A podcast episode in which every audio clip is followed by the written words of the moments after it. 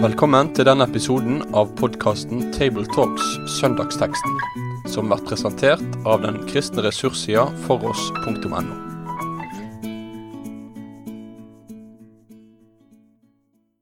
Vel møtt til en ny samling over søndagens tekst. Og vi er nå kommet til såmannssøndagen. Matteus 13, 24-30 er eh, teksten. Og vi er samlet her rundt bordet Svein Granerud, Egil Sjåstad og Asbjørn Kvalbein. Vær så god, Svein, du kan jo lese teksten og innlede. Ja, det var altså Matteus 13 fra vers 24. Jesus la fram for dem en annen lignelse og sa, Himmelriket kan lignes med en mann som hadde sådd godt korn i åkeren sin. Og mens alle så, kom hans fiende og sådde ugress blant hveten og gikk sin vei. Da når kornet skjøt opp og satte aks, kom også ugresset til syne. Tjeneren gikk da til husbonden og sa, Herre, var det ikke godt korn du sådde i åkeren? Hvor er da ugresset kommet fra? Det har en fiende gjort, svarte han. Tjenere spurte ham, Vil du vi skal gå og luke det bort? Nei, svarte han, for da kommer dere til å rykke opp hveten sammen med ugresset. La dem begge vokse der sammen til høsten kommer. Og når det er tid for innhøsting, skal jeg si til høstfolkene, sank først ugresset og bind det i bunter for å brenne det, og så skal dere samle hveten inn i låven min. Det er prekenteksten på såmannssøndagen, dere. Det, ja, det er sterke saker. Hva er det du slår deg først, Asbjørn, når du leser det her? Eh, For det første så er det jo satt inn i en sammenheng. Matteus 13 er jo et kapittel stappfullt av lignelser. Og Jesus er altså veldig opptatt av å forkynne gjennom fortellinger og bilder som han levendegjør på sin måte. Og det sier oss noe om at eh, vi kan så lett bli altfor begrepsmessige, på en måte. For han begynner jo med å spørre hva kan vi sammenligne himlenes rike med? Og så kunne vi jo tenke at han begynte å snakke om maktforhold og grenser og det som vi forbinder med et rike. Men det som slår meg, er at han er så dynamisk, Jesus, og det er så typisk for den både gamle og nytestamentlige måten å tenke på, at det er handling, det er aksjon, det er aktivitet, på en måte. Så det at himmelriket kan lignes med en mann som sår, syns jeg er et morsomt poeng. Ikke bare morsomt, men eh, veldig lærerikt. At vi skal se det dynamiske. Altså det er noe levende. Så det er det bare, første som slår meg. Bare for å ta, Egil, kan ikke du gi en liten respons på det? For Asbjørn nevner at det er flere lignelser her, og alle sammen handler om himmelriket eller Guds rike. Hva, hva er det Matteus vil, Jesus vil vi skal fokusere på da, når, når himmelriket nevnes eksplisitt som liksom det det dreier seg om? På en måte gjelder jo alle Jesu lignelser himmelens rike eller Guds rike. Det har noe med det å gjøre. Eh, Men himmelriket det er jo da gaven Gud kommer med. Så det er jo, noe, noe, det er jo nåde i seg sjøl, det at himmelriket er knytta til Jesus Kristus. Himmelens Ja, rike er nær, sier Jesus. Noen vil tenke kongerik, og det er, det er jo Ja. mange innsteg til himmelriket. Kanskje Ja, vi hjelpe hverandre til å tenke at eh, Guds rike er først og fremst gaven, sånn som du sier. Så Ja, ikke, vi, ikke vi får feilassosiasjoner her. Det er ikke det primære at det er et rike med en rigid maktutøvelse. Det primære er at her er det en, en virkelighet du får komme inn i uten at du har fortjent det. Å bli borger i dette riket, det er å få del i frelsen, da. Mm. Få del i det evige livet. Det borgerskapet kan du ha mens du er en borger her på jorda. Ja, og det, vi er borgere både her på jord og i himmel, himlenes rike. Mm. Men jeg tenkte også på det med, med lignelsene til Jesus. altså. Ofte er det sagt at de har bare ett poeng. Eh, mange av lignelsene har antagelig bare ett poeng. Men i disse uh, såmannslignelsene i Matteus 13 så tolker Jesus lignelsene og avspeiler at det er mange poeng i lignelsen. Så Jesus er ikke redd for å ta enkeltheter i lignelsen og tolke om bestemte ting. Og det gjør han også her, da. Men det betyr ikke at alle lignelser skal tolkes i detaljer på den måten, men her, akkurat den lignelsen her, tolker Jesus sjøl senere i kapittelet, når disiplene spør om å få forklaring på den lignelsen, så kommer Jesus med en tolkning. Og da er den tolkningen for predikanten forpliktende. Ja, for vi har jo helt sikkert uh, oppmerksomme bibellesere som uh, lytter til oss nå, og de har jo sett at uh, bare noen vers nedenunder så, så kommer Jesu tolkning, dvs. Si disiplene ber om at de må få en forklaring på den lignelsen. Det kan bety at de syns den var krevende nok. Så både vi som preker og når vi leser Bibelen, så får vi vel se dette i sammenheng, Asbjørn. Det er ikke noe juks å ta med litt som ikke står i prekenteksten. Nei, det er klart. Og vi må kunne la disse lignelsene utfylle hverandre. Og vi kan spørre hva er forskjellig eh, mellom dem, og hva er likheten? Og da vil jeg igjen si at eh, likheten er jo det som dere fremstiller også så klart, at det er en atmosfære man lever i, dette her himmelriket som er et nåderike der vi kommer inn uten å ha fortjent det, bare pga. det Jesus har gjort. Og så er det et spill levende rike hvor du møter en masse utfordringer både til tjeneste og kampsituasjoner. Og det er kanskje kampsituasjonen vi er fokusert på i denne lignelsen. Det er jo en, et, en rekke motiver her som Jesus holder fram i forklaringen, eh, som er helt fundamentale for hele det kristne budskapet. Eh, både det at det er en fiende av Jesus. Jesus sier at menneskesønnen er den som sår. Så der tolker han det om seg sjøl. Han er den som sår, og fienden sår også. Og, og den spenn, spenningen mellom Jesus og djevelen, den går igjennom i hele Nye testamentet. Det kan ikke en predikant lure seg unna. Heller ikke Eh, endelikten her, liksom, hva, som skjer til slutt. At det blir et skille mellom de som tilhører riket, og de som egentlig ikke har tilhørt riket. Og det blir en forskjell altså på kirken og verden, da, om du vil, med kirken i egentlig forstand.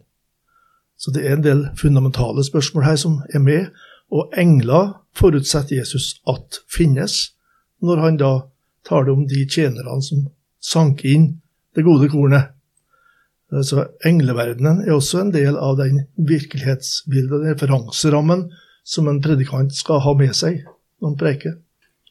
Jeg ser jo for meg at en tekst som den her, eh, for dem som lytter til en preken, vil nok oppleves krevende. Eh, og tenke at her er det håra bud som forkynnes. Eh, og det må ikke vi underslå, at dette er en tekst med det store alvor.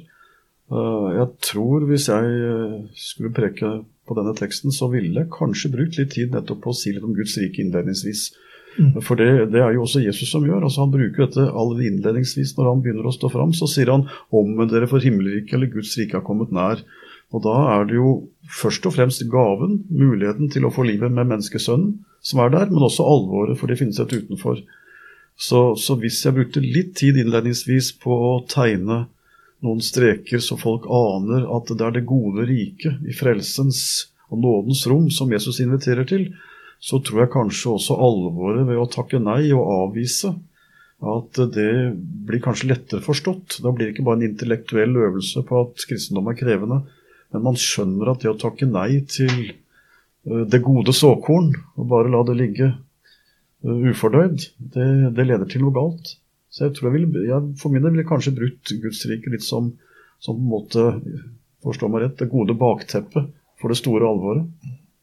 Ja, det er jeg veldig enig i. Og jeg må si hva som er evangeliet dette her.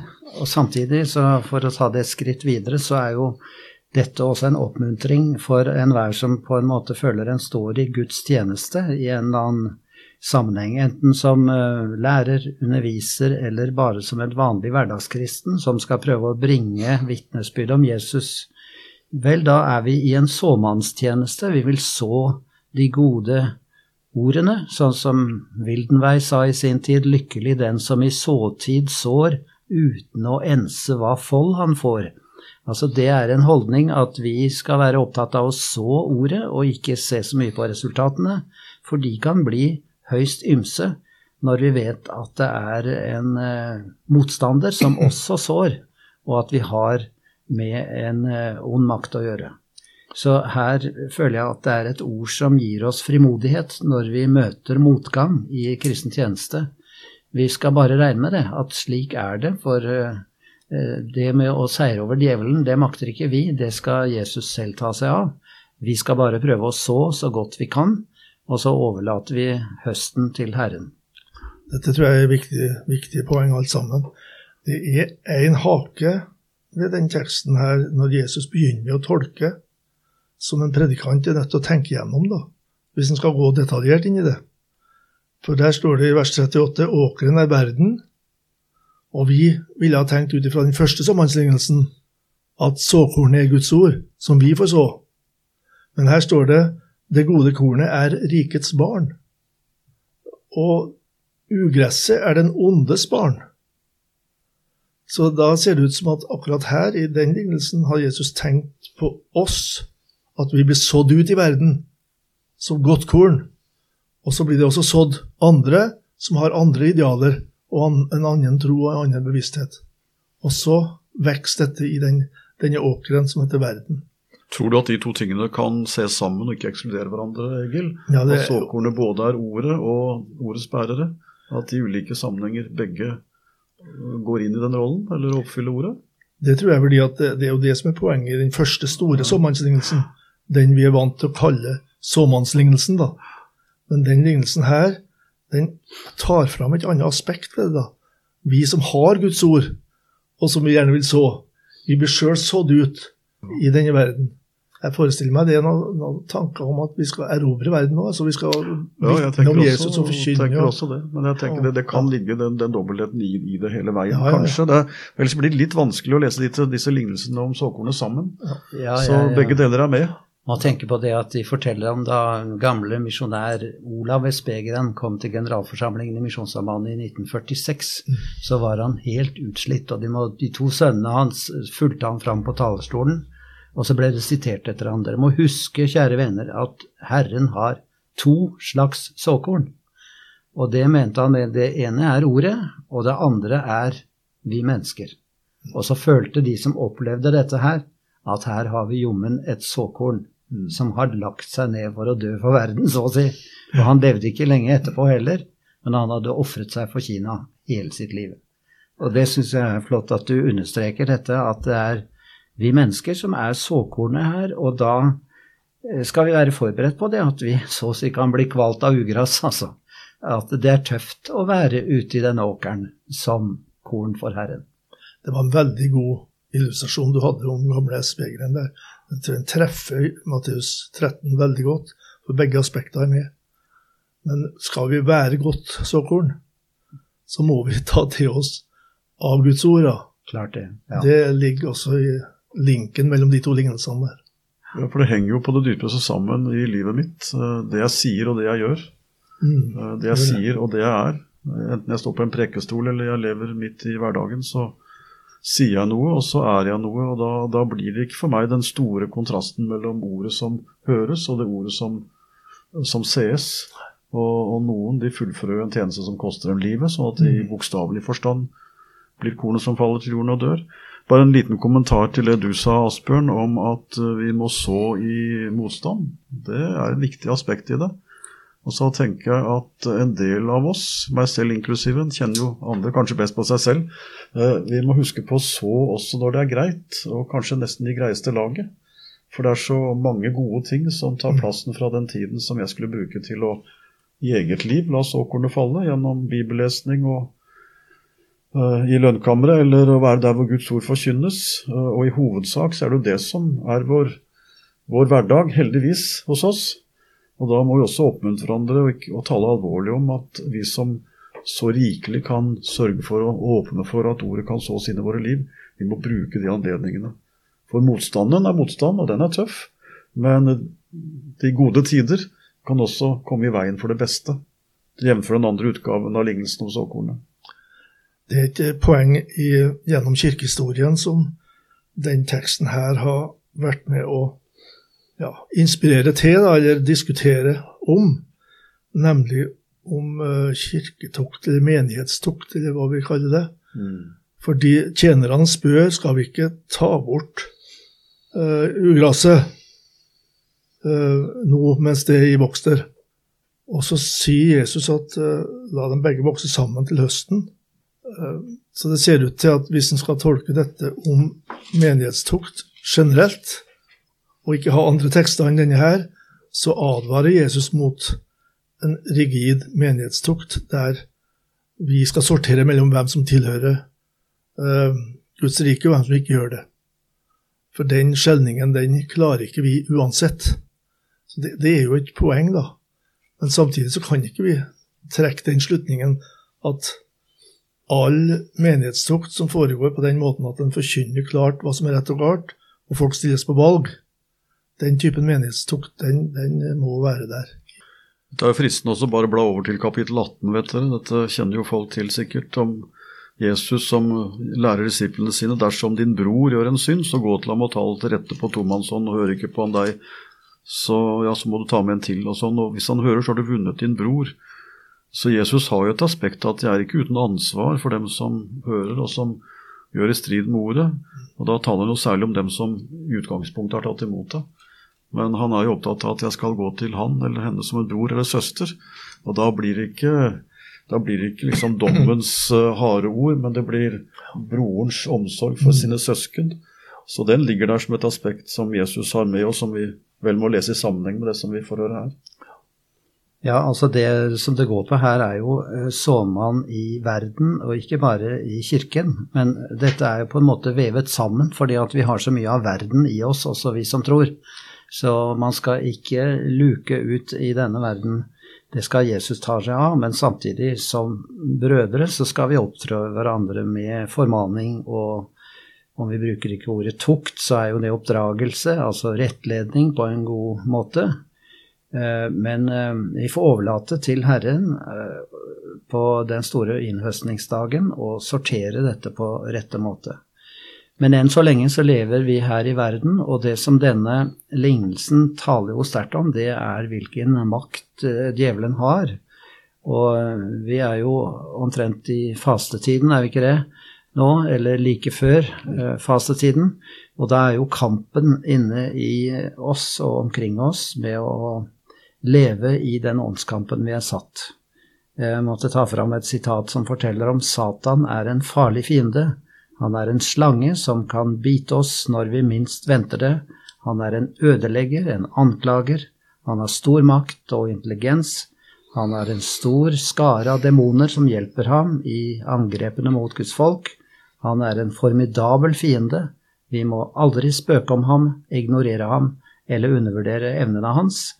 Vi må være edrue og ha vårt sinn under kontroll når det gjelder vår konflikt med Satan.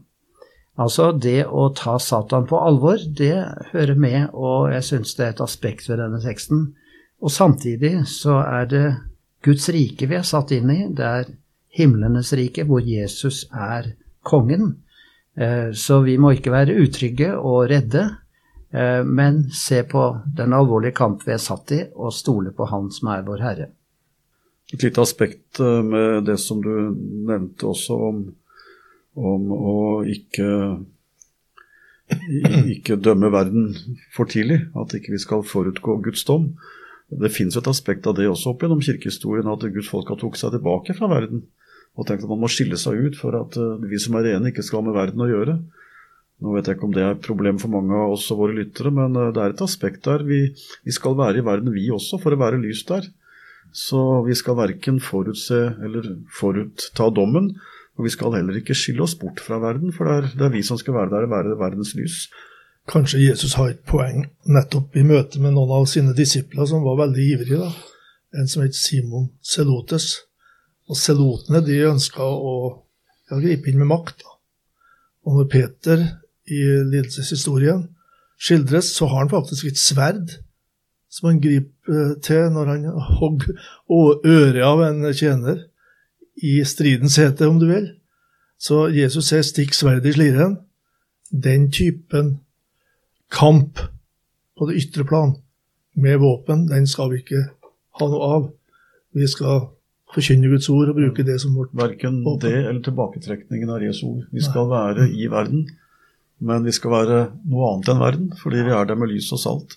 Vi rekker kanskje å ta med et aspekt til som jeg tenker kan berøre noen. For eh, når det er som det er, så er det en del som opp gjennom kirkens tid har tenkt at nå får nå Jesus komme og sette sluttstrek. Det drøyer veldig, dette her.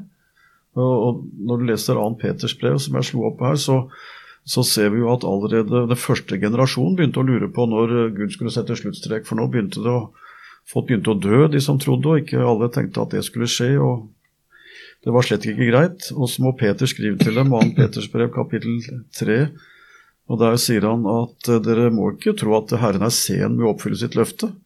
Det var noen som ventet at nå kunne han holde dom og få gjort det unna. Nei, han er ikke sen, han er tålmodig, skriver han med dere. For han vil ikke at noen skal gå fortapt, men at alle skal nå fram til omvendelse. Mm. Og Det tenker jeg er et ord til dem som finnes også i dag, som syns at nå har Gud drøyd, drøyd lenge. Ett aspekt ved Guds drøyning, den har flere faktorer, men det er at Gud ser at det er enda noen som kan høre evangeliet. Og Det betyr at min oppgave er verken å ta dommen på forhånd eller trekke meg tilbake. Det skal være lys og salt, sånn at Gud kunne la enda noen få rom i Guds rike før han setter strek. Ja, og dermed er det jo appell i dette til oss om å være tålmodige, rett og slett. Å kunne vente på Herrens dag, og det er jo nevnt i flere forskjellige måter her, at det kommer en høst. Vent, og la dem bare vokse.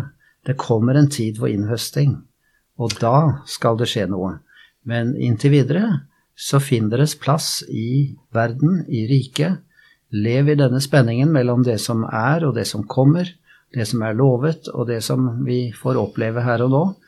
Og så er det godt å høre Jesus til og være i hans rike også i denne kampsituasjonen. Jeg fikk en gang et uh, lite vers fra en gammel prest, og han kunne ikke si hvor det sto hen, men han sa det slik, Jeg er i Herrens vingård satt, skal der en såmann være, skal holde på i tidens natt og se den glad ut bære. Snart kommer Herrens store dag, da samler Gud sitt arbeidslag, da får vi lønn for hvert et tak som her vi tok for Jesus. Det er sagt på mange forskjellige måter, akkurat det der med å leve i trofasthet og i tro til Herren, også under uh, stor motstand og kamp.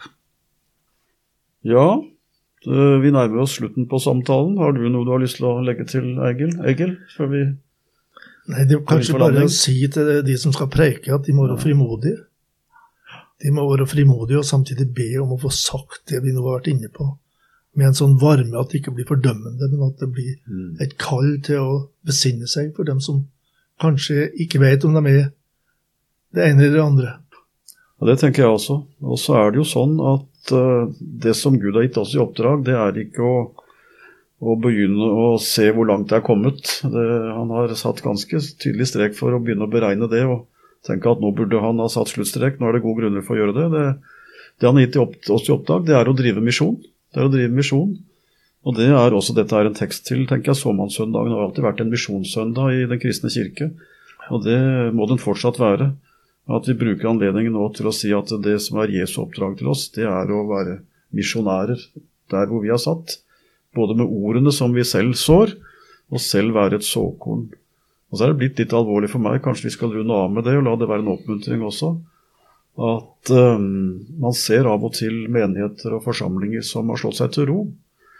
Også med at det tar tid.